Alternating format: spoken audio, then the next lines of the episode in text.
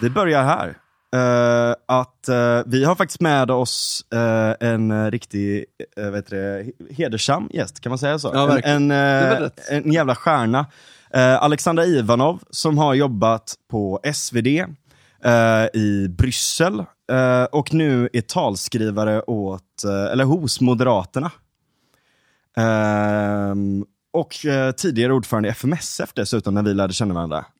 Exakt. För många, många år sedan. Uh, vad kul väl, att du är med. Ja, fan vad kul. Verkligen. verkligen. Ja, tack så mycket. Tack för att jag får vara med. Ja. Uh, det, det är galna tider har vi konstaterat och allt sånt där. Men, uh, och, och, ni, Moderaterna är ju i en ganska konstig oppositionsläge just nu.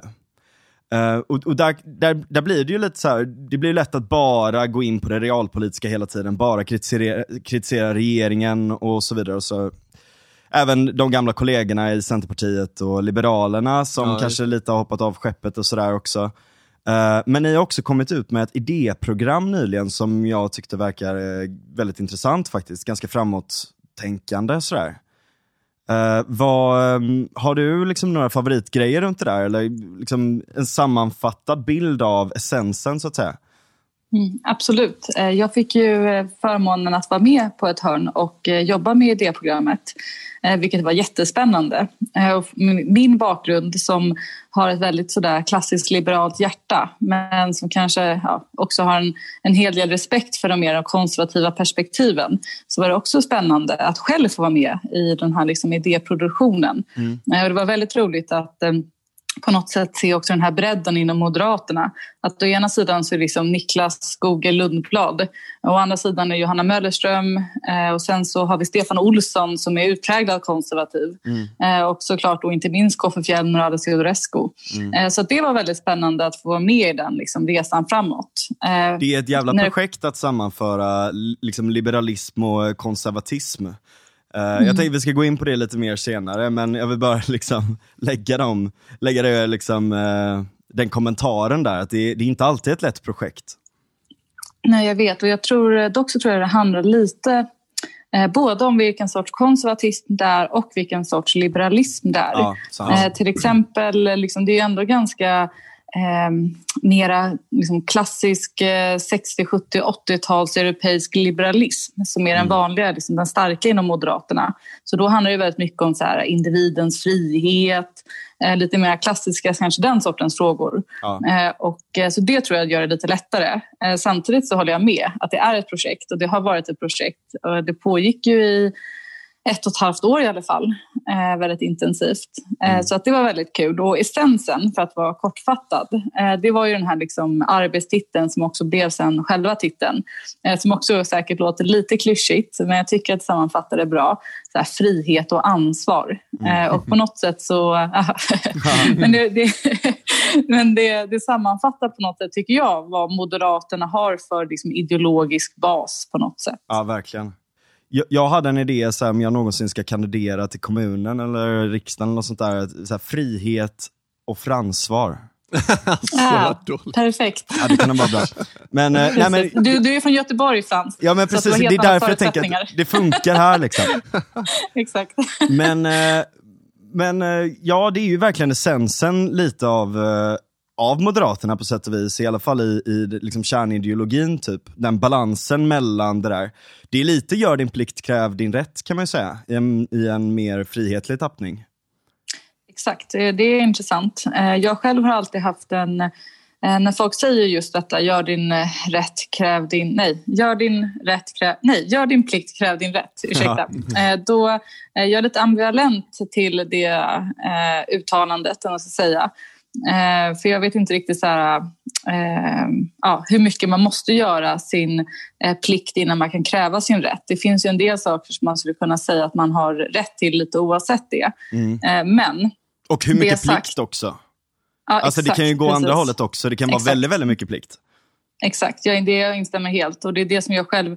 Jag kommer ihåg när Fredrik Reinfeldt och Anders Borg var inne i sin liksom absolut mesta nya Moderaterna. Och det var liksom, man skulle inte dricka öl, man skulle jobba. Ja, just det. Eh, det var liksom väldigt mycket så att på, till slut var det nästan arbetslinjen var ju viktigare än frihetslinjen överhuvudtaget. Liksom. Verkligen alltså. Eh, men jag, tror att fri, jag tror ändå att eh, jag delar den analysen helt, att det är lite samma, lite samma sak. Eh, och det, jag, jag brukar tänka på det som att det finns typ två olika sorts eh, samhällskontrakt, eller till och med fler. Eh, och frihet och ansvar är uttaget från det eh, liberala, högerliberala samhällskontraktet. Mm. Mm, verkligen. Verkligen. Men eh, de här olika sakerna då, de här olika områdena som ni behandlar i, i det programmet, vad, vad är det mer specifikt sådär? Eh, det är ju en rad tematiska rubriker, typ 19 stycken. Eh, mm. Och idéprogrammet för den intresserade finns eh, att ladda ner från Moderaternas hemsida.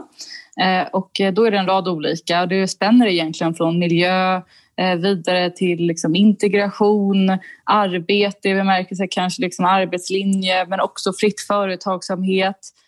Och från mitt perspektiv så att tolerans finns med också mm. som en viktig byggsten av liksom samhället och hur samhället ska se ut. Ehm, jag tyckte till exempel att ehm, eh, det var väldigt intressant med bland annat eh, miljö och klimatdelen. Mm. Eh, från mitt perspektiv så går det tillbaka till en väldigt gammal och ganska behaglig konservatism alltså när det kommer till den här liksom förvaltarskapstanken. Mm. Och det är någonting som jag kanske tycker att svensk höger generellt sett lite slarvade bort under 2000-talet, i alla fall mm. den första delen av det. Eh, så det tycker jag är jättefint att man liksom går tillbaka och apropå då även ansvar. Jag tror att det står explicit att man har ett ansvar att förvalta jorden för kommande generationer. Mm. Eh, och det tycker jag, från mitt perspektiv, så är det ett trevligt uttag på konservatismen. Verkligen, och det är ett väldigt bra sätt att sälja in det till konservativa också. Uh, mm. Alltså det har ju varit, liksom, det har ju varit, vi har varit inne på det innan också, att uh, miljöfrågan och klimatfrågan har kapats lite av vänstern.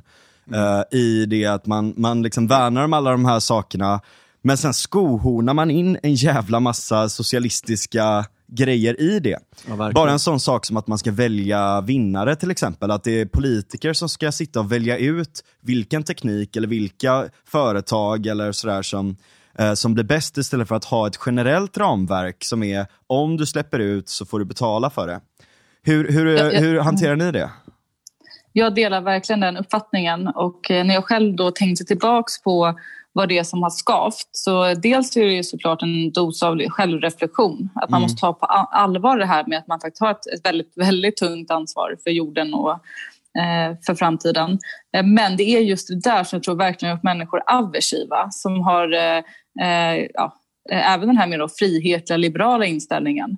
Att plötsligt skulle man säga att alla, allting skulle vara etanol eh, och då skulle man eh, liksom odla upp halva Sydamerika för ja, det. Ja. Eh, sen kom man fram till att det, ja.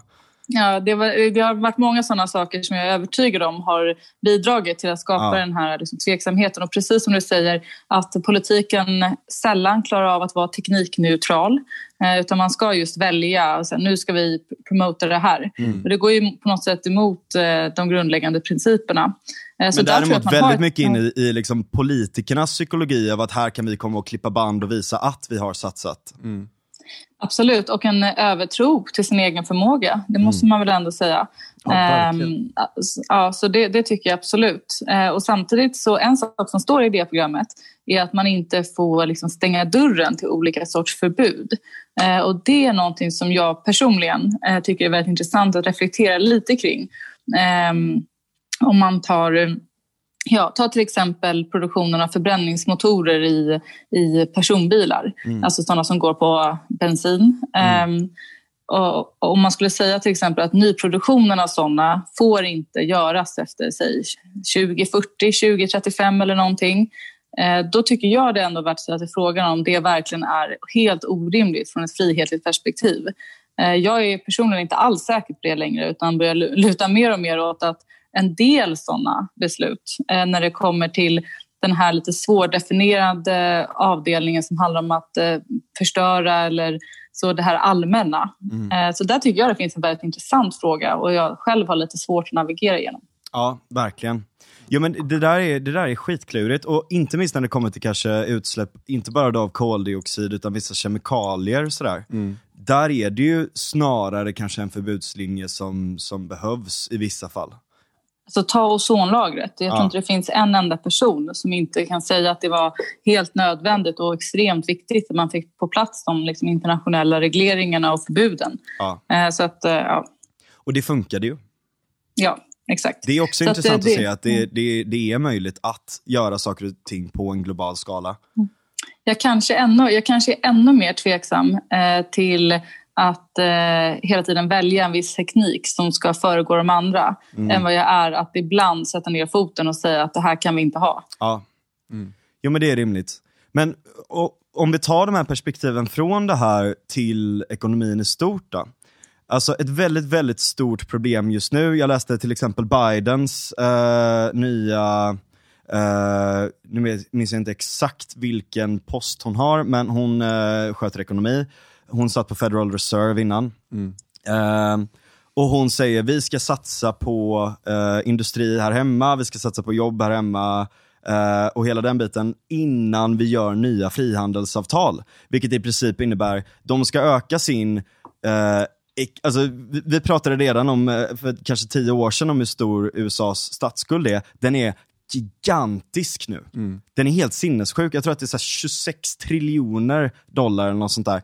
Och då ska de öka på den ännu mer då och inte få in pengar genom internationell handel och sådär. Men och, och det, det, är även, jag menar sossarna i Sverige har ju också varit inne väldigt mycket på det här att man ska låna en jävla massa pengar och satsa en jävla massa pengar och att det ska vara någon form av top-down ekonomi sådär. Mm.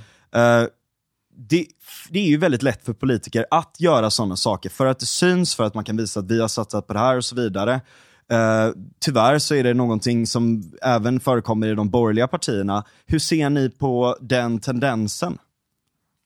Eh, jag tror man börjar till exempel eh, i början där när man tänker på de här liksom internationella handelsavtalen och den protektionism som just nu sprids över hela världen. Mm. Eh, så tycker jag att det är en, å ena sidan väldigt enkel fråga. Att det är uppenbart och det har jag bevisat om och om igen. Mm. Att ska vi ha liksom en rik värld med högt välstånd överallt eh, så måste vi handla med varandra. Vi måste jobba med komparativa fördelar. Eh, vi måste få igång de här globala värdekedjorna. Mm. Jag tycker det och där måste jag också säga att jag tror att de här globala värdekedjorna de finns ju på plats av en anledning. Ja. Och I det långa loppet så har jag svårt att tänka mig... Eh, jag hörde någon gång någon fransk minister som sa att så här, ja men nu när man har sett under corona att eh, de, det inte fungerar, då måste vi producera allting i Europa. Mm. Eh, och jag misstänker ju starkt att det kommer inte bli så. För det finns Nej. anledning att de finns där. Det stämmer att, ju inte heller. Nej, nej alltså det som har löst krisen nej. är ju verkligen de här kedjorna. Ja. Jag håller helt med. Verkligen. Eh, verkligen. Det hade varit mycket, mycket, mycket värre att möta coronapandemin eh, liksom 1960 eller 70 eh, mm. eller när som helst egentligen förutom nu. Eh, mm. skulle jag nog ändå, det, det vill jag hävda. Eh, så det är ju väldigt problematiskt och det är väldigt problematiskt att Biden-administrationen fortsätter det här. Ja. Jag är inte förvånad över det. Jag tycker inte det har funnits några som helst indikationer på motsatsen. Eh, men det är tråkigt. Eh, tyvärr så är det också inte ett helt ovanligt amerikanskt synsätt på de här frågorna. Nej. Det kommer till omgångar flera gånger. Jag tror att till att börja med så, eh, nu, nu vidgar det här lite, mm. men jag tror att vi måste hantera eh, Kina-frågan lite när det kommer till internationella avtal. Ja, mm. För att eh, man kan ha handelstullar på olika sätt. Mm. Och det sättet som de har undervärderat sin valuta, eh, på det sättet de har sagt att de ska tillåta investeringar i Kina men inte gjort det. Eh, det har inte funnits någon sån öppenhet. Eh, jag tror inte att det, det har bidragit till att systematiskt liksom ge vatten på kvarnen till mm. de som eh, som är för protektionism. Så jag tror att det är väldigt viktigt att vi liksom får lite ledarskap eh, som just vill eh, ja, på allvar ta tag i de här frågorna. Ja. Kina, är eh, så, intressant. Inte. Kina är så intressant därför att i vissa perioder när de får feeling, då är det superenkelt, det finns nästan inga regleringar alls, att starta igång eh, verksamhet i olika, eh, till exempel inom AI eller inom eh, olika digitala grejer eller teknik eller industri och sådär. Men det, så snabbt så kan, de, så kan de bara i princip konfiskera allting. Eller så, liksom, ni får inte vara här längre, fuck off. Liksom. Mm. Det är väldigt läskigt med han, eh, visst är det Alibaba-grundaren, ja. Ma? Ja. ja. Mm. Eh, liksom att någon, en, en av världens rikaste män eh, eller människor bara försvinner i tre månader. Och, och sen så liksom kommer tillbaka på någon fundraising-event plötsligt och sen försvinner igen. Gjorde han det? Ja, han, inte, han syntes inte till på tre månader. Oh, jävlar. Efter att de stoppade börsnoteringen. Mm. Fan vad märkligt alltså. Men här är det ju så lätt för, för gemene man att liksom eh, övertygas av den här eh, enkla idén av att säga, jo, men det är ju bra att vi, att vi har närproducerat och så vidare eh, och, och, att vi skapar jobb här hemma och så vidare. Det låter ju jättebra. Liksom. Men var tydlig med att liksom, vad, vad finns det för problem med det och varför är det en dålig idé? I, i, i, alltså, dels för miljön och dels för ekonomin, för det går ju hand i hand. Liksom.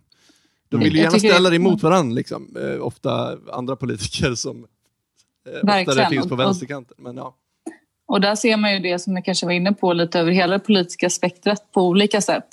Eh, och eh, det är så roligt, när jag bodde i Belgien så kom jag, på, kom jag ihåg hur de hade massa reklam för belgiska råvaror och belgiskt kött. Mm. Och samma sak i Danmark, så här, dansk griskött.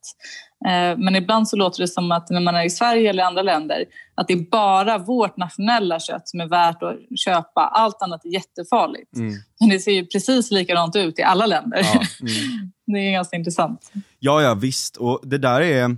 Uh, det där är så jävla farligt också när man bygger upp sådana handelstullar. För att om vi ser, det har varit ganska mycket snack om bi, biståndsfrågor och sådär på sistone. Uh, och det här med att vi, vi stoppar stoppar Afrika till exempel från att producera en jävla massa mat och mm. sälja det till oss. Eh, samtidigt, och vi, vi liksom stoppar dem från den internationella handeln som hade kunnat göra dem rika. Och istället så skickar vi lite så smulor till de ledarna som förtrycker folket och ja. gör dem fattiga. Mm.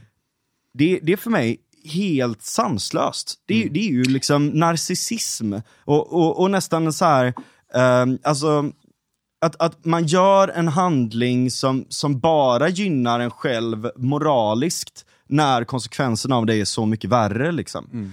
Lite där för att citera Bastiat, sådär, vad man ser, vad man inte ser. Det, då slås lokala industrier ut på grund av att man ger bistånd till olika projekt. Och det som hade kunnat växa där annars, det slås ut av det. Och allting blir centrerat runt de här kleptokratiska dikt äh, diktatorerna i princip. Mm. Jag tror att eh, jag har tittat en hel del på de här frågorna också. Eh, och jag tror att kärnan är precis som du är inne på nu allra sist. Det är de här kleptokratiska regimerna mm. som byggs upp där de blir helt Eh, de blir ju försörjda av biståndspengar. Detta är ju välbelagt i väldigt många olika fall. Mm. Eh, och då skapar man plötsligt incitament eh, att med militär och med våld bibehålla den här makten. Mm. Så det finns ju flera indikationer på att den här sortens, den sortens bistånd bidrar till att man liksom har kvar de här sortens strukturer. Mm. Nästan väldigt många av de gamla biståndsjournalisterna som verkligen har varit där jag har ju sen på senare år liksom fått en väldigt eh, mer aversiv inställning mm. när de just har sett de här effekterna. Eh, men jag, jag tillhör ju de som eh, är en extremt varm frihandelsvän. Både av moraliska och praktiska anledningar egentligen. Ja. Att jag är övertygad om att man blir, liksom, vi blir alla rikare på sikt av detta. För mänskligheten kommer inte bara säga så att det är bra nu. Utan vi vill fortsätta utvecklas. Mm. Och då måste vi fortsätta sprida den förmågan över hela världen. Mm. Men absolut också de moraliska. Mm. Eh, på sikt så måste ju det vara ingången och jag har väldigt svårt att eh, försvara eller förstå eh, de som exempelvis inte vill handla med väldigt fattiga eller ens fattiga eller ja, medelfattiga länder. Nej, verkligen. Mm. Men det är så problematiskt där med Kina, för jag menar å ena sidan skulle man kunna säga att det är väl jättebra om de subventionerar en jävla massa grejer som skickas in till oss. Uh, men, men, men det är då att det slår, du menar att det slår ut lokala industrier eller att... Alltså jag menar det är en sak, man kanske inte ska låta dem köpa upp Lysekils hamn. Det kanske inte är en klockren idé. Men, uh, men man borde ändå... Finns det inte en poäng i att bara säga okej okay då, skicka in en jävla massa billiga grejer till oss? Uh, jag, jag förstår hur du tänker och jag har själv nog tänkt så många gånger på olika sätt. Jag går nog snarare tillbaks till vad jag upplever är Eh, medvetna och strategiska handelshinder. Eh, och jag skulle säga att det där är en strategi av den kinesiska regimen eh, för att få liksom större market access och på sikt kontrollera olika marknader mm. och sen använda dem. Sen är de inte rädda för att använda den möjligheten som ges.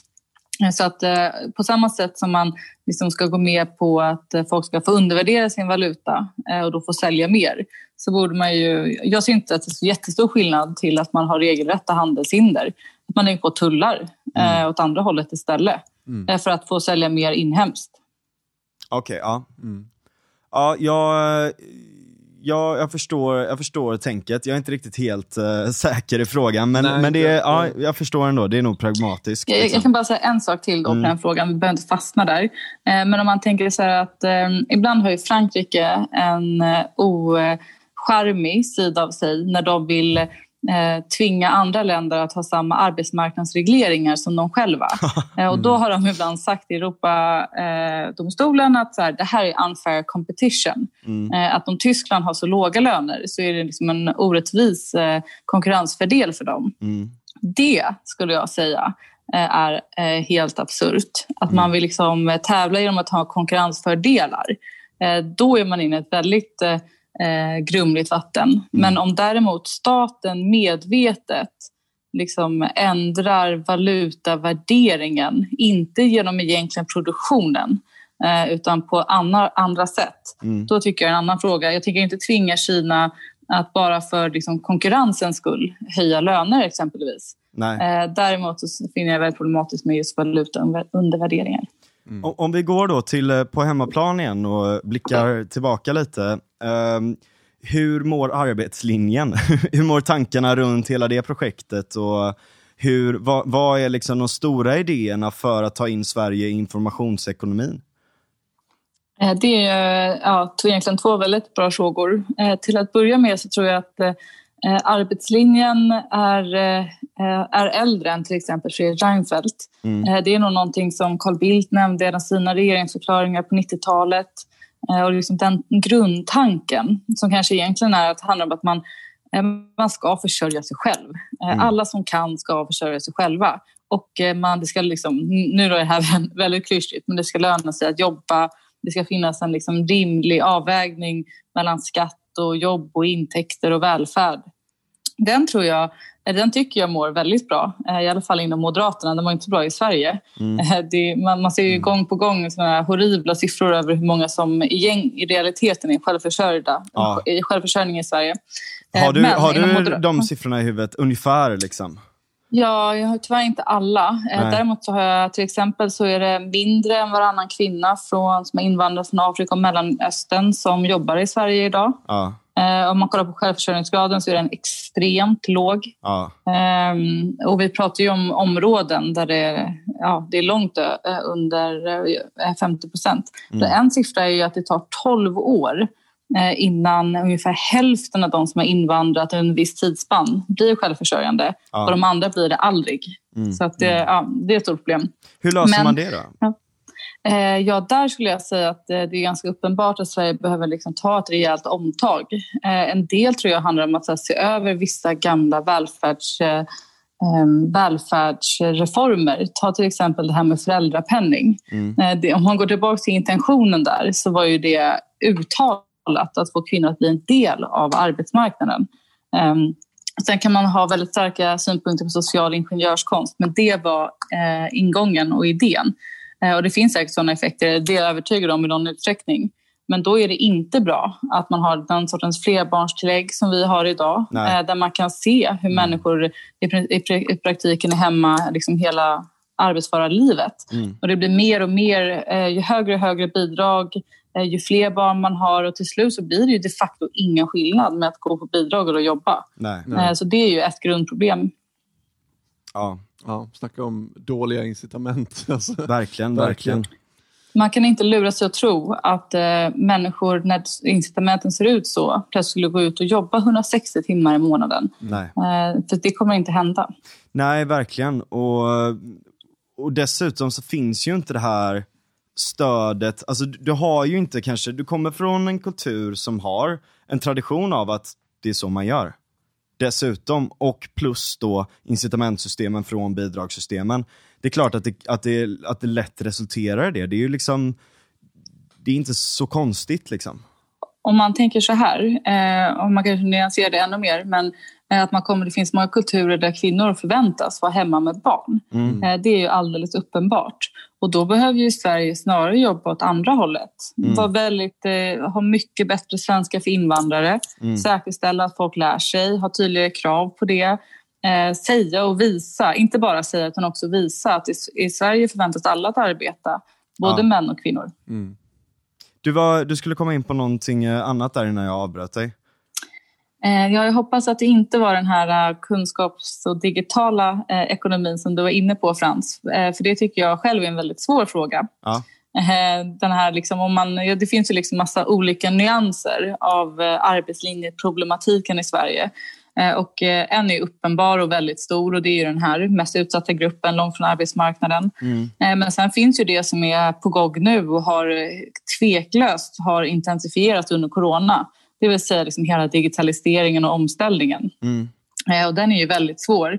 Eh, och jag tror att en del av det, eh, man ska komma ihåg i bakhuvudet, och sen, jag trivialiserar inte hur svåra utmaningarna är nu, men Sverige har klarat väldigt stora omställningar tidigare. Mm. Jag kommer inte ihåg, men det var väl på 70-talet när liksom några hundratusen människor var tvungna att ställa om på bara några år. Mm. Och det gick ändå liksom hyfsat bra. Eh, och jag tror att en liten del, eh, till och med en viss del, en betydande del, handlar om eh, så här, vad heter det, omställning. Att man ger rätt strukturer till företag att driva den omställningen. Mm. Och att man har, det här kanske låter lite tråkigt politiskt, men att man har genuina och seriösa samtal mellan de olika stora arbetsmarknadsparterna, riktiga stora företag, så absolut inte bara Svenskt Näringsliv och LO, utan många fler. Och liksom, vilket stöd behövs? Hur kan ni få in att folk vidareutbildar sig? Mm. Vad blir framtidens eh, lite mer sådär ehm, eh, automatiserade jobb i bemärkelsen är programmerare verkligen om fem, tio år en liksom, eh, eh, jättesvår utbildning? Eller mm. det kanske inte kommer vara det.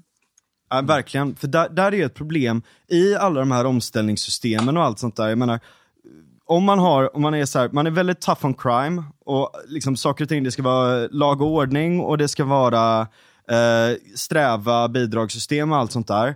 Så under perioder av omställning så kan det bli väldigt många som, så att säga, om man tippar över kanten så faller man jävligt långt ner. Eh, och där, där, liksom, där måste man ju ha någon, i alla fall som systemet är organiserat idag, någon form av ändå stöd. Kanske någon form av eh, liksom studsmatta som gör att man kan komma upp snabbt igen. Eh, det behöver inte vara liksom den här, vad ska man säga, eh, mjuka eh, geggan man åker ner i och sakta försöker köra mycket på metafor här. Men, nej, men liksom att man inte att man inte fastnar nere i någon form av liksom bidragsberoende, att man stagnerar och allt sånt där, utan man verkligen även från statligt håll kanske konstruerar system som ger folk möjligheten att, okej, okay, du, du kommer, är du lastbilschaufför eller jobbar du inom en bransch som kommer automatiseras och allt sånt där, då kommer du att kanske förlora ditt jobb inom eh, x mm. antal år. Mm. Uh, men här får du stöd under tiden som du kommer tillbaka till något nytt. Liksom. Mm. Absolut. Eh, jag instämmer, till, instämmer helt. Om man tittar till exempel på arbetslöshet Eh, så vet vi att bland det mest skadliga är att människor är arbetslösa länge. Ja. Eh, så att det är verkligen god poäng det här med att studsa upp. Och det är där som jag kanske alltid har gillat eh, personligen mest med den mer moraliska dimensionen av arbetslinjen. Det är inte, om jag måste välja så skulle jag primärt typ inte ens säga statskassan. Eh, utan vi vet ju vad utanförskap gör med människor. Mm. Eh, att det går i arv, eh, att det på olika sätt leder till andra sorters utanförskap. Dels är det uppenbar kriminalitet, men det är inte allt. Utan även sjukskrivningar, ja. psykisk mm. ohälsa. Så att vi vill ju absolut inte att folk liksom faller, som du sa, långt ner och inte kan ta sig upp. Och det här kommer bli ett, ett jättejobb för liksom dels politiken att skapa rätt förutsättningar och om man lägger till en till dimension i det, se till att man inte har fel förutsättningar. Ja. Eh, jag tror att det är lika viktigt att uh, göra en rejäl genomlysning på så här, vad är det nu som hindrar framväxten av nya branscher, av nya företag, av nya utbildningar för att klara av den här omställningen mm, mm. och sen se till att det finns ekonomiska muskler. Men jag tror ännu mer så, ska jag lägga till det också, att eh, det är ändå det här när det kommer till liksom företagsamheten som man måste kicka igång samtidigt. Ja. Eh, nu är jag såklart eh, lite nördig, men det jag tyckte varit väldigt, väldigt oroväckande de senaste åren det är ju Sveriges väldigt, väldigt låga tillväxt. Ja, vi var innan corona skulle var bedömningen att vi skulle ha lägst tillväxt i hela EU. Mm. Det är ett jätteproblem i en tid av omställning. Ja, exakt. Per capita. Ja. Absolut. Mm. Ja, det är ett fruktansvärt problem och det var ju till och med under högkonjunktur så låg vi på 0,1 typ. Eller mm. något sånt, 0,3 eller så här. Bisarrt lågt liksom. Det, det är... Jag har lite svårt att greppa det nästan. Liksom. Mm. Men jag skulle gissa också att, jag menar, det ligger väldigt mycket kanske i hur migrationssystemen har konstruerats. Uh, att vi tyvärr inte har haft en, en fas på kom hit för all del, men jobba. Utan att det har varit kom hit och fastna i ett byråkratiskt system som gör att du kan bo där ute, långt där ute i någon förort. Uh, och den enda kontakten du har med majoritetssamhället i princip, eller samhället i, i, i allmänhet, är uh, de här byråkratiska bidragssystemen. Mm. Det, uh, ja, det, det är fruktansvärt alltså. Det är ju tveklöst så att en hel del av eh, den här låga tillväxten per capita eh, kopplat till eh, den höga arbetslösheten. Nu är Sverige ju absoluta bottenligan. Mm. Det är mm. inte så att vi är så där mittemellan utan det, det är faktiskt en av, vi är bland de som klarar oss sämre. Det är ju naturligtvis kopplat i ganska hög utsträckning till just allt den utanförskapen som finns eh, bland de som är invandrat till Sverige. Mm. Eh, och därför måste man ju ha en politik som dels signalerar att det är möjligt och liksom har och ser till att människor liksom får den känslan och sen ser till att det också händer. Ja. Men jag blir ju helt förbluffad ibland när jag jämför olika system i Europa. Ta det här med svenska att det alltså inte funnits ett enda krav i ett enda led på att kunna svenska. Nej. Inte för att få fortsätta, fortsätta eh, bidrag eller olika försörjningsstöd eh, som man har i nästan alla andra europeiska länder. Inte för att få ens liksom medborgarskap. Nej. Mm. Och det är, ju, det är en undervärdering av de absolut mest grundläggande funktionerna inom integration som har bidragit till en väldigt svår situation. Verkligen. Mm. Verkligen. Och ehm, jag menar, där, det kopplar ju till så många grejer och det känns som att det är ganska lågt hängande frukt för om vi lyckas få väldigt många av de som är i utanförskap idag i arbete, då kommer vi ha en ganska, liksom, vi kommer hoppa upp på en ganska hög tillväxt igen då. Mm. Jag tycker ju att eh, det, apropå vad man eh, väljer att se och prioritera, de här fruktansvärda reportagen från liksom de här utanförskapsskolorna. Mm. Eh, när det finns absolut barn som är födda i Sverige som inte talar svenska. Mm. Eh, det finns flera klassrum där ingen talar svenska, i alla fall inte flytande, eller ens liksom tillräckligt bra. Och då ser man ju bara liksom hur stort det här problemet är. Så på något sätt måste man ju säkerställa och se till att det här börjar fungera bättre. Mm. Och då tittar jag ändå lite på Eh, just när det kommer till skolfrågan så tycker jag att det finns bra inspiration i Storbritannien eh, där de har liksom nolltolerans mot den här sortens totala skolhaveri mm. Eh, och har hittat olika sätt att hantera det. Ja. Men där finns ju någon sorts nyckel. Ja. Mm. Och jag menar, det, är ju, det blir ju en grogrund för också den kriminaliteten som vi har just nu. Att man ser inte så många andra vägar, det finns inte så mycket andra förebilder i de områdena än de kriminella.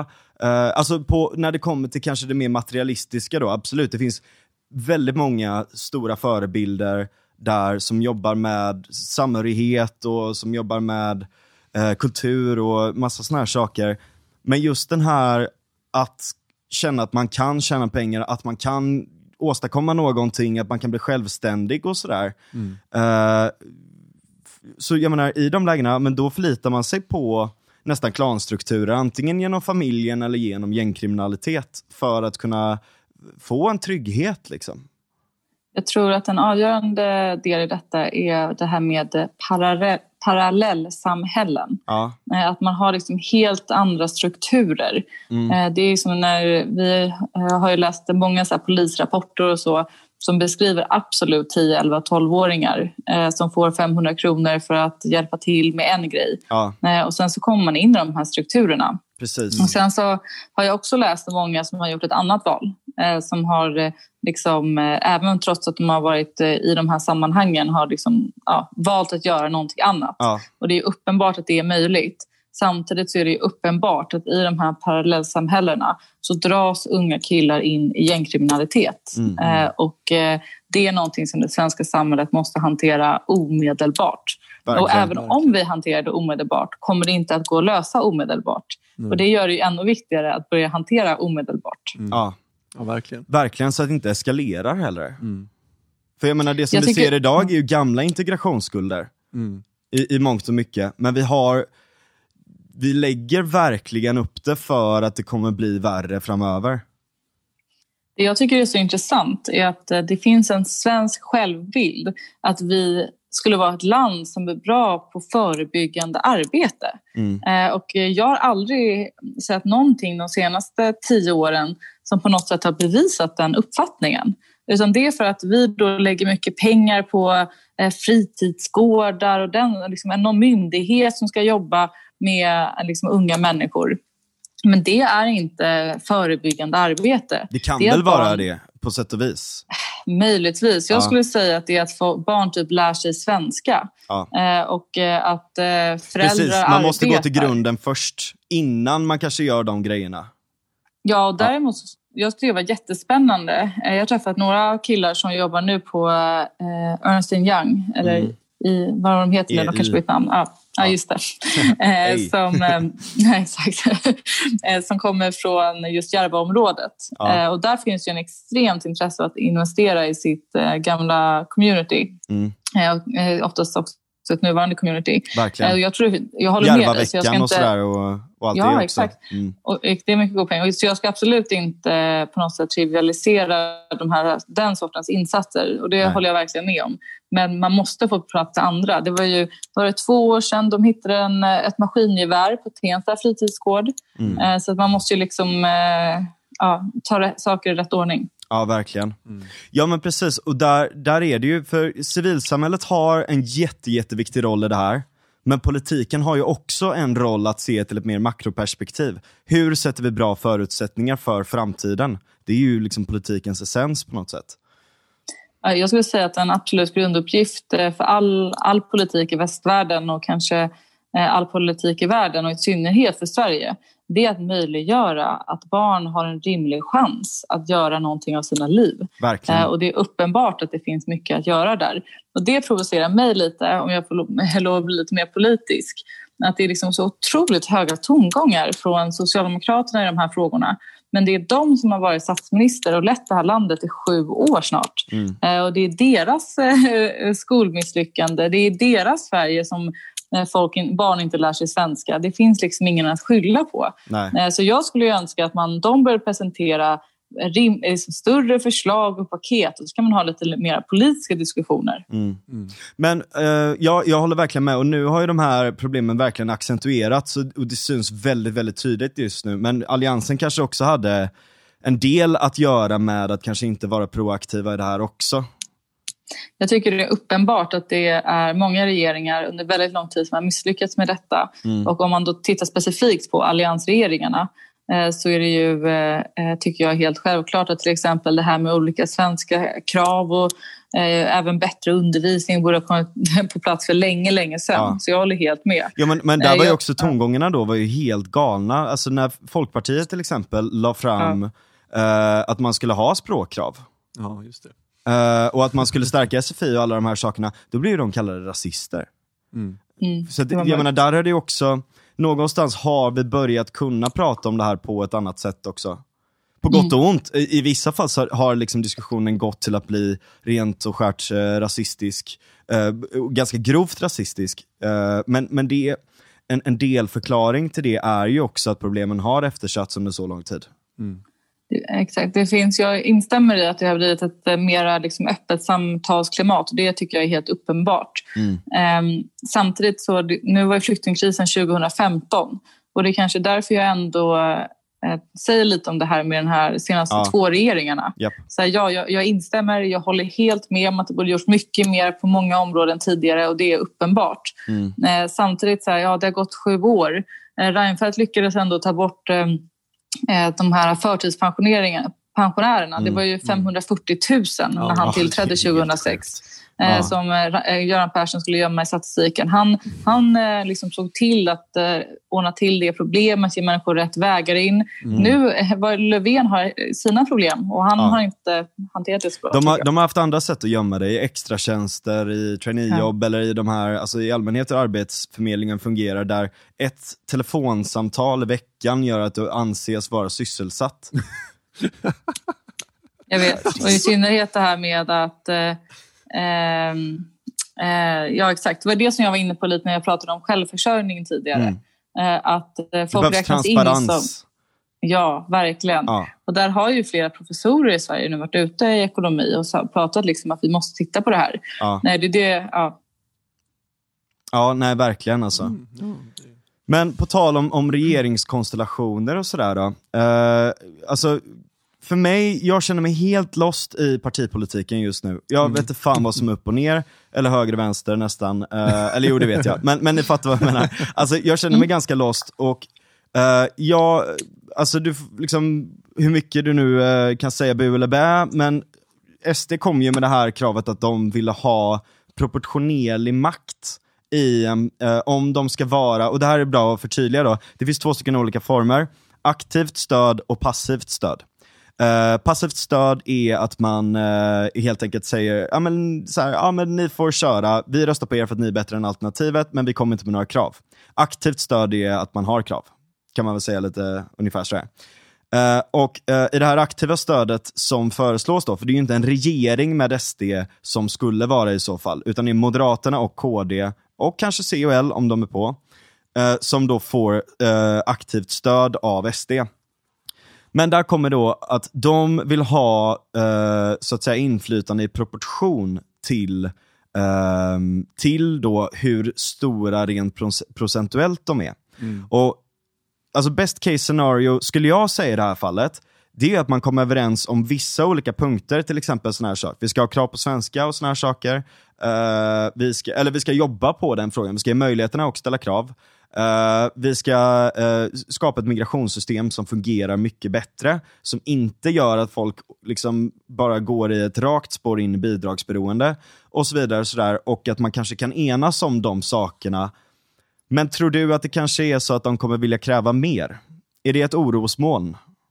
Eh, jag tror att det Sverige behöver bli bättre på att inse är att man liksom måste jobba med de majoriteter som finns i Sveriges riksdag på mm. olika områden. Eh, och sen fungerar det ju lite olika när det kommer till budgetprocess kontra liksom andra lagförslag. Mm.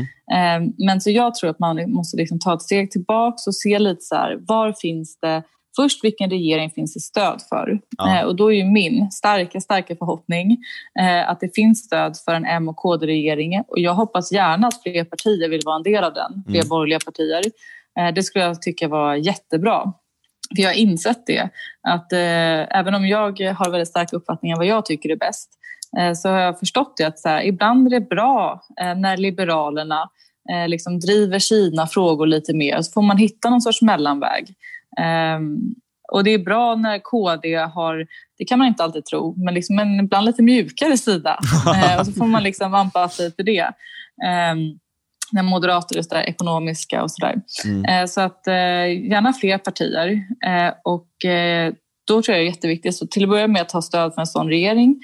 och då vill säga att man ska inte ha 50 procent emot sig i Sveriges riksdag när man röstar om det. Mm. och sen tror jag att man kommer behöva säkerställa att den regeringen har stöd för sina respektive linjer. Mm. och till exempel om man tänker alla de frågor där Eh, M, KD, L och SD har en gemensam uppfattning i riksdagen idag eh, och inte sällan C, ska verkligen tilläggas, eh, så är det ju väldigt, väldigt många frågor.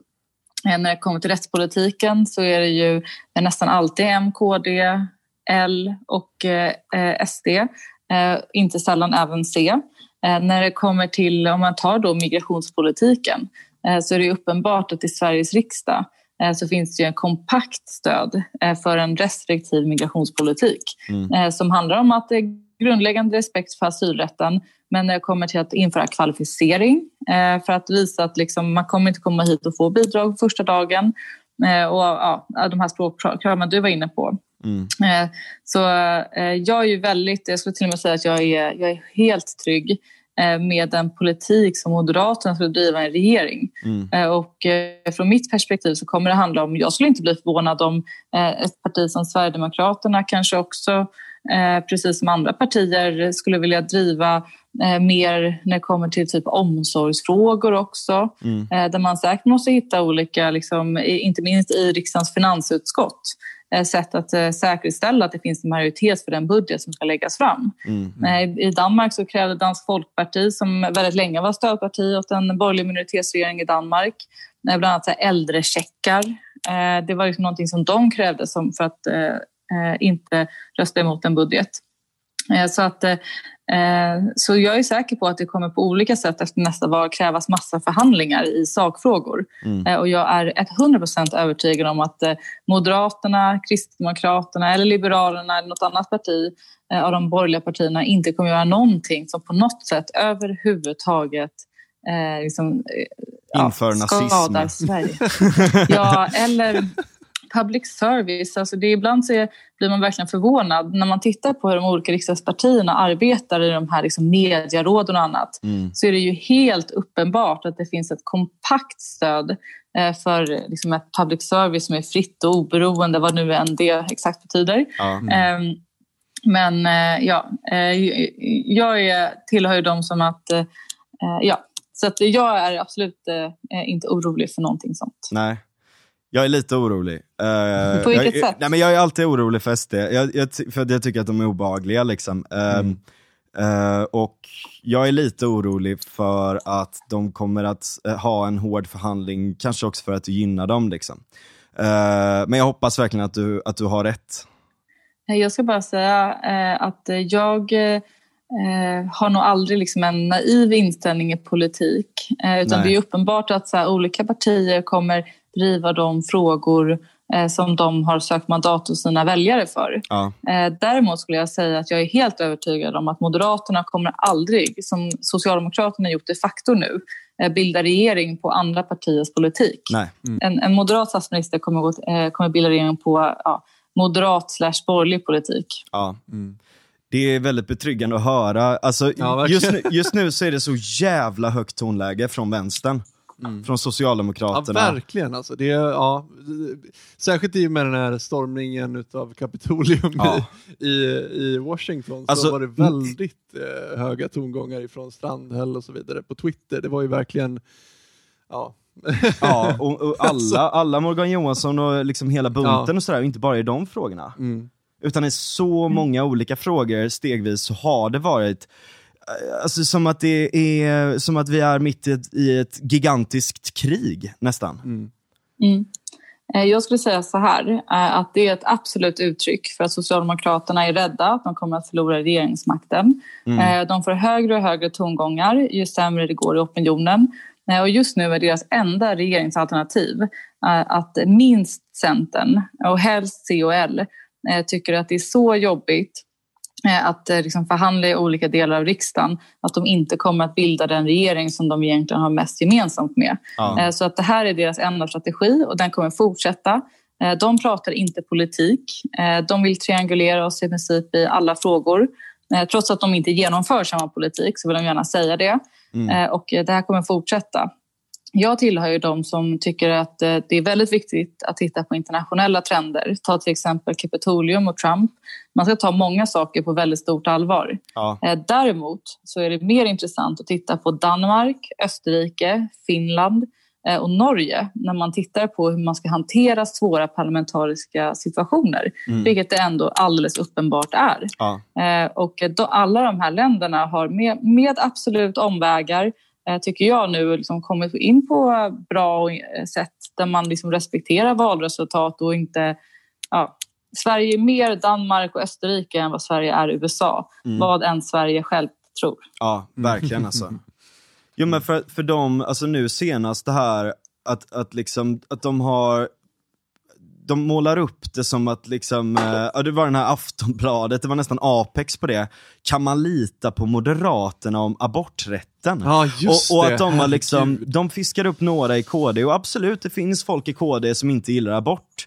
Men KD som ett parti, KD som, alltså i realpolitiken. Fast det där är också tumma... riktiga fulspel alltså. De drog ju upp Adaktusson och det där liksom, hela den grejen ja. har ju varit på tapeten. Och det är ju bara, det är så jävla fult alltså, för det är inte sant heller. Det är en sån halvsanning som de älskar att fara med för att plocka liksom fula politiska poäng. Liksom. Ja, precis. Och, och, att det har liksom kommit till den nivån nu att de slänger ur sig nästan lite vad som helst. Ja. Och, och jag tror att det är en strategi där man liksom du vet, här, in, ingen rök utan eld-strategin just nu. Mm. De, släcker, de slänger ur sig bara vilda spekulationer för att liksom, det finns ett begrepp inom psykologi, psykologi som heter anchoring. Att om du sätter ett ankare här och liksom startar en debatt här så kommer du liksom att utgå från det och sträcka, ja ah, men det är ju inte rimligt, men det kanske här kanske det börjar bli rimligt ja, att de kanske ändå är här. Mm. Ja, eller ingen rök utan eld kan man också säga sådär. Och det känns som att de har dragit den strategin till det extrema, där ministrar lägger mindre tid på sitt arbete eh, än, än att sitta och i princip liksom, som konspirationsteorinötter. ja, verkligen. Jag eh, tycker det där som du, eh, ni beskriver nu är egentligen helt ofattbart. Mm. Eh, jag tycker att det är ett ganska läskigt politiskt samtal som det är stundtals väldigt otrevligt att vara en del av. Mm. Däremot så är jag övertygad om att det handlar om att de vill inte diskutera sakpolitik. Nej. Och det är också väldigt svårt för att man vill ju bemöta när man får horribla anklagelser kastade på en eh, som dessutom är helt grundlösa. Eh, ja, eh, och, men vi vill ju prata om det jättetunga reformpaketet som vi har utarbetat de senaste tre åren. Ja. Vi vill ju prata om våra förslag på ekonomi, jobb och liksom integration. Så att, då måste man hela tiden påminna sig själv om det. Ja. Att där vi pratar om samhällsproblem och våra reformer, mm. eh, inte om detta. Ja. Men det är ju svårt, för det är dit mm. de vill föra precis hela tiden. Det, det, har du väldigt, väldigt rätt i. Och det är så lätt, alltså framförallt när man är utomstående, att bli så här, vad håller ni på med? Men ni måste ju ha is i magen och verkligen mm. så här, inte ge det där uppmärksamhet utan fortsätta stå starkt och bara så här, kan vi prata om de riktiga problemen liksom? Mm. Ja, vara den vuxna i rummet lite grann. Det är väl det enda man har att tjäna på så att säga. Mm. Ja. Exakt, och eh, jag tror att det är det man måste vara och eh, jag tillhör även dem som är övertygad om att en majoritet av väljarna det de vill höra det är ju liksom vad har ni för svar på samhällsproblemet? Mm. När problemen. Däremot tror jag att det är väldigt problematiskt för jag tror att folk liksom tappar intresset. Eh, de vill liksom inte lyssna på det här. Eh, de vill inte höra. Eh, jag såg och noterade att justitieministern retweetade det här med att eh, en M-regering kommer att inskränka aborträtten. Ja, ja. Och jag vill egentligen inte ens säga det för jag tycker det är så otroligt förmätet att han gör det. Ja. Men, och det är liksom, ja, det finns ingen som helst skillnad i abortpolitiken mellan moderater eller socialdemokrater. Eh, och det är bara, ja, eh, det är nästan på gränsen till eh, desinformation ja. de ja, sysslar med. Men det. som sagt, ja, vi vill ju inte prata om det. Nej. Mm. Nej, jag fattar det. Mm. Och det, där är det så här, det som provocerar mig mest med det, det är ju att de är som Trump. Men de anklagar liksom ja. de andra för att vara Trump. Alltså det är så paradoxalt, det är så ja. 4D-schack liksom. Mm. Men jag undrar om det verkligen biter på folk. Jag tror att folk har börjat bli lite så här, äh, men vad fan, kom mm. igen nu. Eh, min analys är att eh, när inte alla partier håller på med sånt där eh, så inser man ju att, ja, att det kanske inte funkar så bra på samma sätt. Nej. De jag tror att det biter på och som jag börjar tro att de bara riktar in sig på det är Centerpartiet och Liberalerna. Ja. Det handlar inte ens längre om att nå ut till en majoritet av svenskar. För det är väl uppenbart att en majoritet av svenskar inte tror på vissa av de här lögnerna. Eh, däremot försöker man liksom eh, göra Centern och L rädda. Ja. Det skulle jag tro.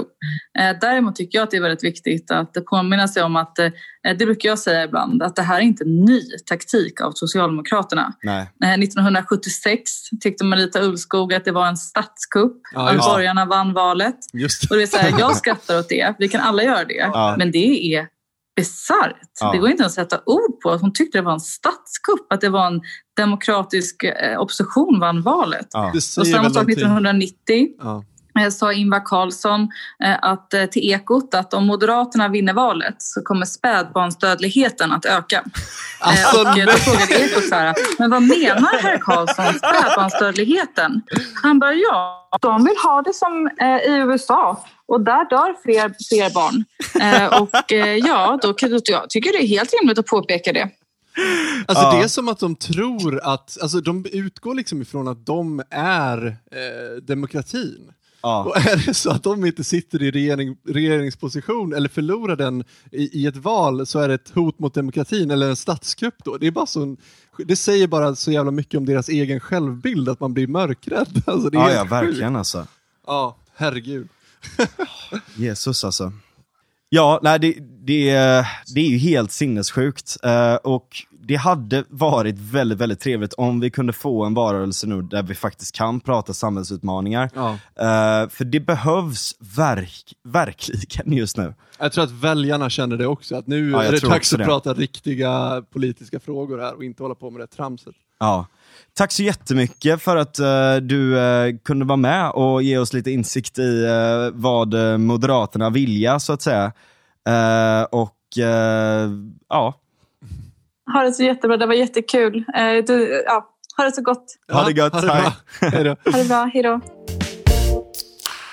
Uh, ja, Ivanov var, var tvungen att uh, gå. Uh, vi, vi är ju så vana vid att ha så långa samtal. Ja. men alla har inte lika öppna kalendrar som oss. men, men det skulle vara intressant att fortsätta lite samtalet runt det här. Alltså, jag jag, jag har väldigt, väldigt svårt just nu att känna att jag tryggt kan rösta på uh, M och L just för att de spelar med i den här fula, dumma jävla uh, ska vi säga, skitkastningstävlingen som är just nu. Mm. Uh, för det är en sak, så här, man kan vara rå, man kan vara man kan göra satir, man kan skämta om, man kan, man kan säga att så här, okay, men vill ni verkligen dra det så här långt då? Uh, men man måste bjuda in till någon form av diskussion runt det. Och det kan inte bara utgå från det, man måste prata om politik. Ja. Och ärligt talat, nu efter att ha pratat med, med Ivanov här, så, så känner jag liksom att som det ser ut just nu, så vill jag nästan uh, liksom så missnöjesrösta på M.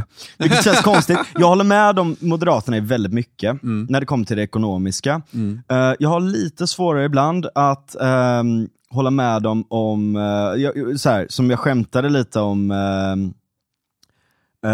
alltså det, det, går ju att skämta lite med dem sådär att Ja men du vet, så ni vill spärra in folk som du vet, spottar tuggummi på gatan, typ sådär. Eller mm, mm och det är liksom, de vill väl böta folk för det och allt sånt där. Mm. Uh, eller, och, och, att det är liksom väldigt tough on crime och det är liksom hårda, starka liksom, posters med ja. nu ska vi röja upp. Ja, och, och, sådär liksom. Och den, jag, men jag håller väl med om att så här, vi måste faktiskt ärligt talat rusta upp rättssystemet lite. Ja, vi, vi, måste fixa upp det här systemet som uppenbarligen inte funkar. Mm. Vi kan inte ha mängdrabatt på, på brott som vi har i dagens Nej. läge. Nej, alltså det är det. De är väl inte de som kommer legalisera cannabis direkt kanske. Så, Nej, tyvärr. Så att, eh, så att där, alltså på, på väldigt många frågor så, så känner man ju precis som du säger med, med Moderaterna att det, det, det är lite så här, hatkärlek är väl väldigt starkt eh, ord liksom, men man håller med dem i, i mycket, men på vissa delar så känner man att jag, jag har svårt för det här. Liksom. Ja. Eh, men det är ju politikens, eh, det är ju det som är det problematiska med politiken. Så är det ju, och det är också väldigt många i politiken som ska samsas om grejer och ja, allt sånt där. Precis. Men det känns som att det finns åtminstone en grundbult i Moderaterna att man inte, att man inte ska ha för mycket makt mm. som politiker. Mm. Precis.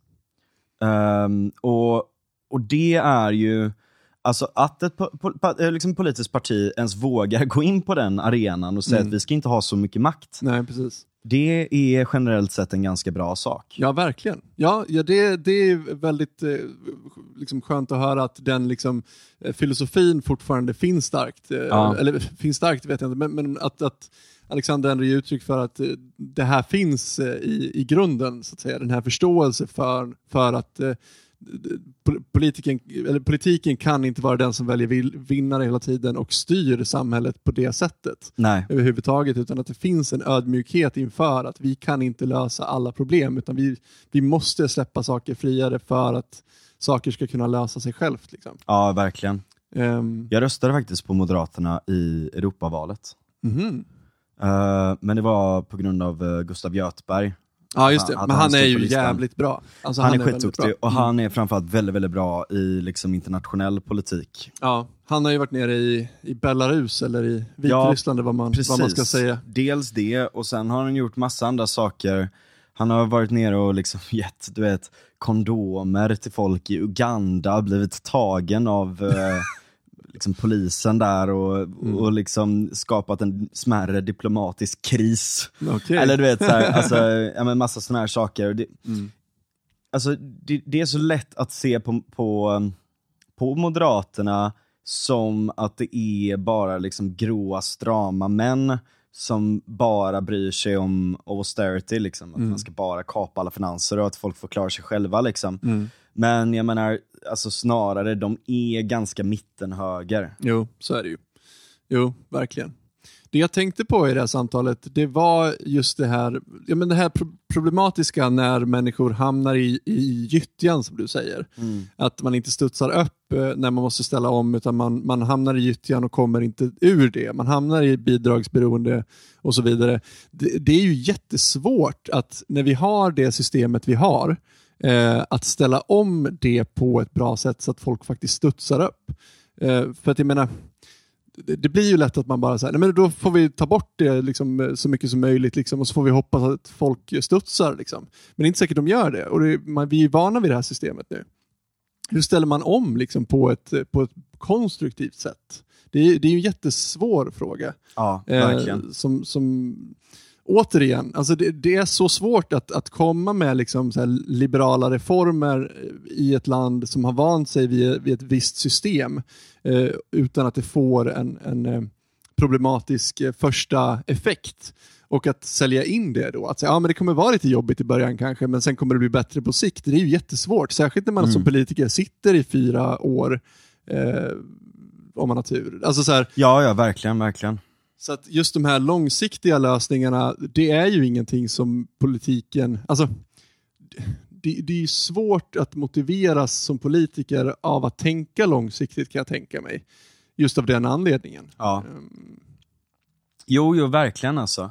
Och, och där, att, att man inte ens lämnar utrymme för att diskutera de här sakerna ja, ju. just nu. Mm. Alltså i den offentliga politiska debatten. Mm gör ju att, alltså, för det var liksom, jag reflekterade lite över det nu, okej okay, nu ska vi ha med liksom, verkligen en partsinlaga. Mm. Uh, vi har inte haft med någon som representerar ett parti innan. Nej, på det inte, sättet. Nej, jag liksom. tror inte det. Nej. Um, eller, eller alltså, som, alltså på, på den här nivån, nivån så att Vi har haft med folk som är partipolitiskt aktiva såklart. Liksom, mm, men, um, men, men någonstans så känns det faktiskt rätt i och med att det är så extremt mycket desinformation just nu om, om Moderaterna, om borgerligheten, om hela den här, alla de här frågorna liksom. Mm. Som gör, ja ni hör ju, helt rasande alltså. Mm. Eller, trött, rasande och, och nästan full skratt över hur bisarrt det är. Ja. Ja, alltså återigen den här stormningen av Kapitolium. Eh, jag satt och pluggade den kvällen ganska mycket för det var kvällen innan jag hade en eh, viktig sluttenta på en kurs. Eh, och sen när jag skulle gå och lägga mig så gick jag in på Twitter och bara så här, har Moderaterna stormat Kapitolium i USA? Jag, jag fattar liksom inte hur, hur liksom kopplingen gick liksom överhuvudtaget. Och då hade det, liksom så här, det hade spets på och blivit ännu värre. När jag kom in i det här och bara så här, vad fan är det som händer nu? Ja. Och jag blir så trött på det här jävla skitsnacket. Och jag ja. tror att, eller jag hoppas i alla fall att gemene man också känner så, att jag är trött på det här jävla ja, men den här smutskastningen och det skitsnacket och att inte prata politik på riktigt. Ja. Utan att det är mer... Just nu när vi har så jävla viktiga frågor som ja. vi faktiskt måste ta hand om. Mm. Alltså trenderna, eh, vad heter han, Andreas Berg eller något sånt där tror jag, nationalekonom. Eh, han skrev ju en sån artikel nu att vi ligger inte bra till uh, i trenderna i olika internationella rankings just nu. Mm, mm. Vi håller på och verkligen tankar alla rankings. Liksom. Mm, mm. för, att, uh, ja, för, för att vi har ett inkompetent styre. Ja. Um, känns som att det är Moderaternas roll i det här landet. Det är att komma in och, städa, städa, upp. upp. Ja, det är det de gör. Det är det de gör varenda gång. Jo, men nästan och, lite så. Ja, faktiskt. Jag menar, hon var ju inne på det nu också med, med Reinfeldt-regeringen eh, när, alltså alliansregeringen, när de kom in, de hade ju ett enormt jobb att städa upp. Liksom. Ja. Eh, och, och, lyckades väl till stor del göra det också. Eh, men, och, och, nu står vi inför helt andra problem. Ja. Eh, och sossarna är ju bevisligen helt inkompetenta att lösa den problematiken. Ja, gud, ja. ja alltså, inte det borde minst... vara uppenbart för gemene man att det här funkar ju inte. Nej. Nej. De har, inte, de har inte kontroll över situationen. Ja. Och, och även om jag inte är den kanske största moderaten så, så vad... Nej, jag är inte det heller. Nej, men vad har vi för alternativ just nu? Vad har vi för jävla alternativ? Mm. Absolut, jag hade gärna kunnat rösta på typ fucking Piratpartiet för ja. att...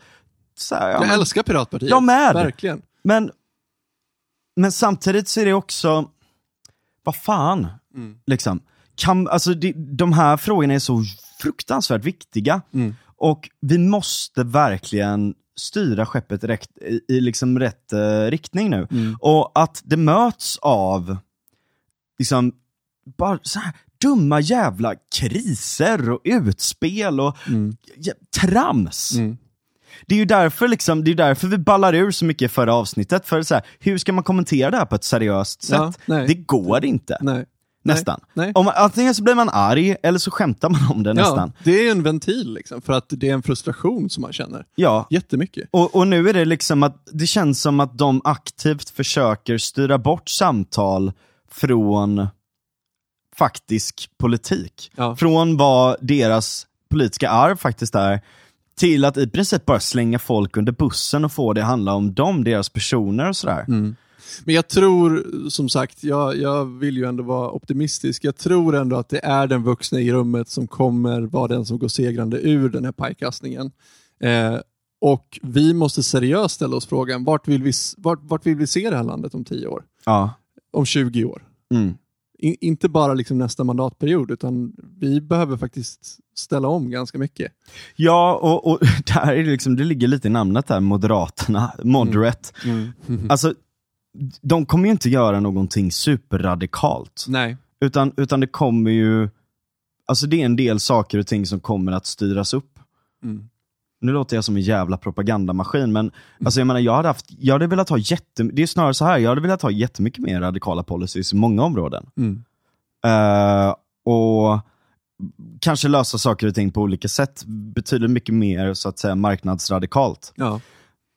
Men, men det här är en, ärligt talat en ganska bra middle road för en hel del av de problemen vi har just nu. Och eh, Det blir en form av pragmatism att, att göra det. Liksom. Så även, om, eh, även om inte jag röstar på dem, även om inte du röstar på dem, även om inte ni som lyssnar röstar på dem, så hoppas jag någonstans faktiskt ärligt talat att vi, att vi får ett regeringsombyte nu. För jag, alltså, fyra år till av det här kommer, jag kommer fan tappa det alltså. Mm. Jag, jag, jag orkar inte mer. Nej. Vad tänker du om C och Ls roll i det här? För jag menar, de har ju ändå gått in i januariöverenskommelsen. Liksom. Jag tror att C är uh, fakt. Du tror det? Nej men alltså, för de har lagt hela sitt krut på uh, en... Att sossarna ska driva deras politik? Nej men de har lagt hela sitt krut på liksom en, vad ska man säga, ett poserande mm. av vissa värden. Mm. Uh, och att, att, att liksom, vanligtvis så kan man ju tänka sig att så här, okay, verkligheten och fakta kommer först. Mm. Sen efter det kommer ideologi. Och då får man liksom försöka se till verkligheten och fakta när man formulerar sin ideologi. Mm. Men där handlar det också om känslor, mm. åsikter, mm. moral, uh, hela den biten. Efter det kommer realpolitik, hur översätter vi det i faktiska saker? Mm. Och sist kommer hur, uh, hur uh, kan vi kommunicera det här? Det som C har gjort, är att de har vänt hela den här ekvationen. Ja, just det. Det är ganska bra De utgår point. från ja. kommunikation. Mm. Hur kan vi kommunicera saker och ting på något sätt så att vi framstår som den här arketypen? Precis. Och sen, okej, okay, hur kan vi hitta olika policies som kan gå in i det? Mm. Hur kan vi på något sätt liksom retconna våran, eller liksom anpassa våran ideologi så att det kan förklaras med det? Mm och sen har vi någon fakta i slutändan som kan stödja det här. Ja, Eller precis. kan vi du vet, så här, mm, mm. vinkla någonting åtminstone så att, så att det kommer till det. Och Jag tycker att det är så jävla sorgligt. Mm. Ja, det är För jag, jag har spenderat som... jättemycket tid i CUF och ja. se. Och jag tycker att det finns så fruktansvärt bra människor där. Mm. Det finns några politiker som är några av de absolut mest smarta, bästaste, framåttänkande politikerna i hela Sverige. Mm. Men det är, det är för centralstyrt. Mm. Uh, vilket är kul för att de heter Centerpartiet, men hävdar att de är ett decentralistiskt parti. Mm, mm. Uh, och det är, det är liksom, jag ska inte säga idealistiskt, uh, för, att, för att det är fel ord, utan det är snarare mm. liksom posörsmässigt. Liksom. Mm. Ja, du gör en ganska bra signalspaning här, kan man säga. Ja, men det, hela FRA-ens. Ja. Nej, men det är ju en ganska, det, är en väldigt bra spaning. För ja. att, och jag, och, jag, tror att den typen av politik har liksom varit framgångsrik under den här, de här åren som har varit väldigt präglade av identitetspolitik och att faktiskt posera och eh, liksom säga att vi står för någonting snarare än att börja från grunden, precis som ja. du säger. Men jag tror att den eran eh, är på väg bort. Alltså, folk har synat det här ja. i sömmarna väldigt mycket och är trötta på den skiten. Ja. Så nu är det nog Jag dags... är inte helt säker det på så? det. Jag tror, att, jag tror att väldigt många människor som inte är så um, engagerade i politiken inte tänker så.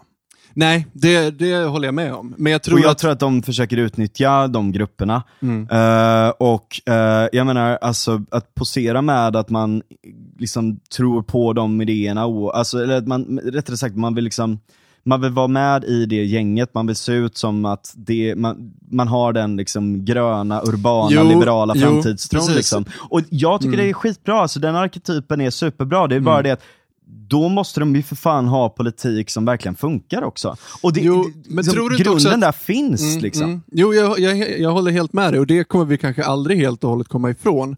Men någonstans så tror jag att eh, intresset för politik har verkligen eh, ökat. ökat jättemycket jo. de senaste åren. Och just det här med, med posering och så vidare kan inte det vara en bra inkörsport då till människor som vill sålla sig till ett gäng och sen är de, blir de mer intresserade av politik och sen lär de sig mer och sen, först, sen lär jo, de sig mer det, av vad faktiskt det, politik är. Snarare. Det är sant. Mm. Ja, jo, det, jo, jag försöker vara en optimistisk. Ja, exakt, exakt. Optimism 2021. Ja. Uh, ja, alltså så här, just Centerpartiet har problemet av att de har aldrig haft en liksom, grundläggande ideologi eller så här, stadgar egentligen.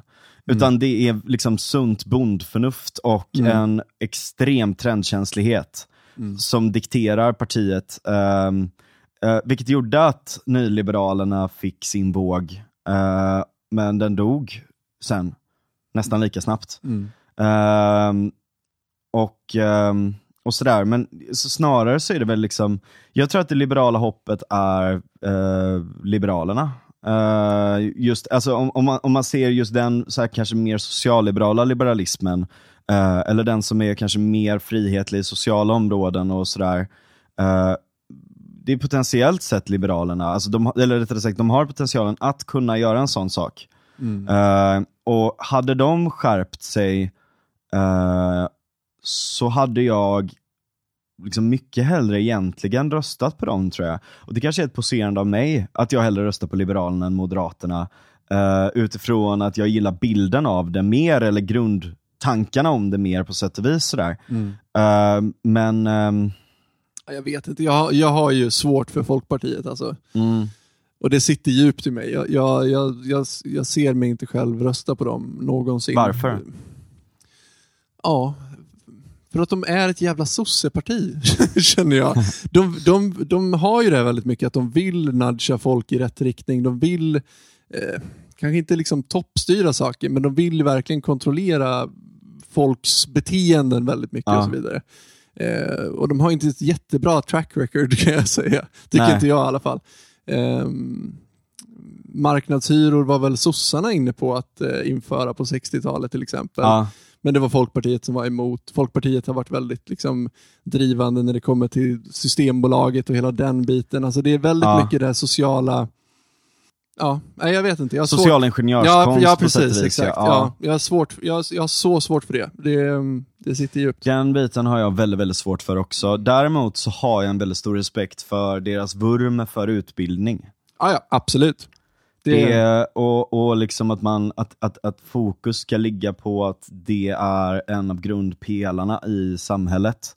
Men jag ska säga det också, att det, det, jag menar inte att, att säga att så här, om de skulle ändra linje och faktiskt bli, bli ett liberalt parti i den ja. bemärkelsen som jag eh, skulle säga att är liberalism, så är jag inte den som liksom så här, ja men de var dåliga på 60-talet eller de har en dålig historia. Alltså det är klart att så här, skulle de ändra riktning så är jag ju inte så principfast. Och, nej, nej, nej. Här, jag kommer aldrig rösta på dem. Man ska liksom. inte bli tribalistisk. Nej, precis. precis. Och, och, det är lite det jag känner nu också, att jag jag vill inte vara tribalistisk heller mot COL för att jag var kanske mer en del av den delen av alliansen och sådär, utan någonstans måste man kanske gå bortom ens bias och se, okej, okay, men rent liksom klart och tydligt olika policies som ligger på bordet just nu. Mm.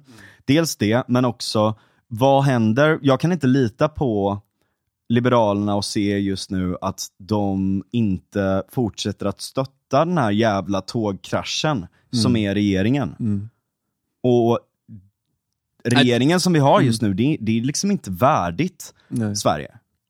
Nej, och jag, jag, kan förstå hur de har tänkt när de har gått in i det här överenskommelsen, göken då. Men jag tror att förtroendet för dem är verkligen enormt skadat inför nästa val. Mm. Ehm, och det är lite oroväckande. Det är väldigt oroväckande. Jag är rädd att de kommer åka ut. Mm. Jag tror att vi har varit inne på det en annan gång där liksom att om man ska stödrösta på dem eller inte. Liksom. Mm. Även om vi har tagit det i podden, nu är det svårt att... Source memory. Ja, uh, nej men, men det där med att jag är väldigt rädd om de åker ut, för att jag tycker att det är en viktig kraft i svensk politik. Om de är borgerliga? Om, ah, så, så länge de inte stöttar Socialdemokraterna ah. känner jag. Så, men eh, de har ju... För det är det där som är I alla liksom... fall L har ju, har ju en historia av att lite grann vara där och vilja vara med i sosse-gänget. Ja. ja, precis. Eller man, man, har liksom, och jag tycker inte nödvändigtvis att man bör ha en aversion mot eh, Socialdemokraterna av ren princip. Nej, nej. Nej, visst. Jag, liksom, jag är, liksom, hatar ett starkt ord. Uh, jag uh, ogillar inte starkt Socialdemokraterna för att, uh, för att de är liksom för att de bara är det partiet, mm. eller bara på grund av deras historia. Uh, eller bara på grund av att deras uh, företrädare är osympatiska, eller, eller så vidare, utan någonstans så är det ju också att deras politik inte funkar, mm. och de är fucking assholes om det, mm. och de har en historia av, som återupprepar sig gång på gång med de här sakerna, mm. som Ivanov var inne på. Mm. att, att det, liksom, man måste ta väldigt, väldigt många saker och ting och få en bigger picture om mm. liksom, vad är historien? Var är det nu? Hur framträder de? Vad är framtiden? Mm. Mm. Och där blir jag förbannad just nu. Ja, verkligen. Jag, är, jag, jag älskar att shitposta, jag mm. älskar att driva om politik och alla såna här saker. Men det finns också, det, det, så här, det finns ju en uppenbar dimension av det, att det är på skämt. Mm. Att man ja, driver om saker och ting. Mm. Men de sitter ju allvarligt talat, alltså folkets främsta företrädare, ministrar som vi ger extremt höga löner varje månad, sitter och spenderar sin tid med desinformation mm. för att de är desperata. Vad fan är det här? Mm. Mm. Vad fan? Allvarligt talat, alltså... Nu får du rycka upp det lite grann. Ja. Vi ska vara optimistiska. Nej, jag, jag, är optimistisk, jag, jag, förstår. Jag, jag, är optimistisk. Mm. Jag, tror, jag tror att det kommer eh, att bli en ny regering. Och jag mm. tror att vi, som sagt, eh, som jag var inne på innan, eh, det är så mycket låga frukter just nu ja, som går att lösa. Mm. som, som det här med att liksom få folk i arbete. Mm. Det, är inte, det, det, är inte fucking rocket science. Nej. Att nej, få nej. folk i arbete. Nej, nej det, är ju, det är väl det naturliga. Ja. Att folk liksom jobbar. Vi har hållit på så i liksom fucking tusentals år ja. och försöker få folk i arbete. Mm. Alltså, Nej, men nej, alltså så här, jag skulle snarare säga tvärtom. Folk får sig själva i arbete. Exakt, exakt. Men, men, det är snarare ja. tvärtom, att så här, vi, har, vi har jobbat på att få ur folk ur arbete snarare. Precis. Det är väl snarare det som är problemet och vi måste sluta med det. Ja. Utan att det blir en för hård smäll, liksom, att, det, att det blir en för hård exakt, övergång. Exakt, fallet blir för hårt ja. Precis. Ja. Utan att, ja, precis, utan att liksom konsekvenserna av att gå ifrån det systemet blir för tufft kortsiktigt också. Ja. Och det är en nöt. Det är en jävla nöt. Det är en jävla nöt. Mm. Och, men där tycker jag liksom, typ, jag menar nu har ju Svenskt Näringsliv och vad heter de, PPO tror jag, eller något sånt där. Uh, de har ju kommit med någon sån agreement, jag tror att vi har pratat om det innan också, att Um, att man ska ha så här omställningsbidrag, uh, fortbildning um, och, och jobba ver verkligen mycket på det att uh, det är inte en institution. Mm. Ett arbete är inte en institution utan det är någonting det är ett verktyg. Eh, mm. det är ett företagande av en uppgift. Mm. Om den uppgiften inte behövs, då får strömmen åka vidare. Vi kan inte bygga upp dammar överallt. Nej, precis.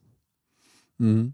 Där är det ju väldigt intressant att prata om partier som Piratpartiet till exempel, som, som visst är extremt marginella i svensk politik, men som ändå vågar tänka utanför den vanliga boxen. Mm. Alltså, jag säger inte att, så här, att jag tror nödvändigtvis att de kanske har liksom perfekta lösningar på saker och ting, men jag tror att någonstans så, så måste man våga tänka utanför boxen också och mm. komma med lite nya idéer och lite nya liksom, nu har ju Moderaterna i och för sig gjort det, sen vet jag inte exakt hur ny, nya de här idéerna är, utan det är väl väldigt mycket klassisk eh, moderat politik egentligen i grund och botten. Ja. Men jag skulle verkligen vilja ha med eh, någon från Piratpartiet att prata sen. Jo, eh, det ska podden. vi ha. Mm, verkligen. Det har vi ju faktiskt på G.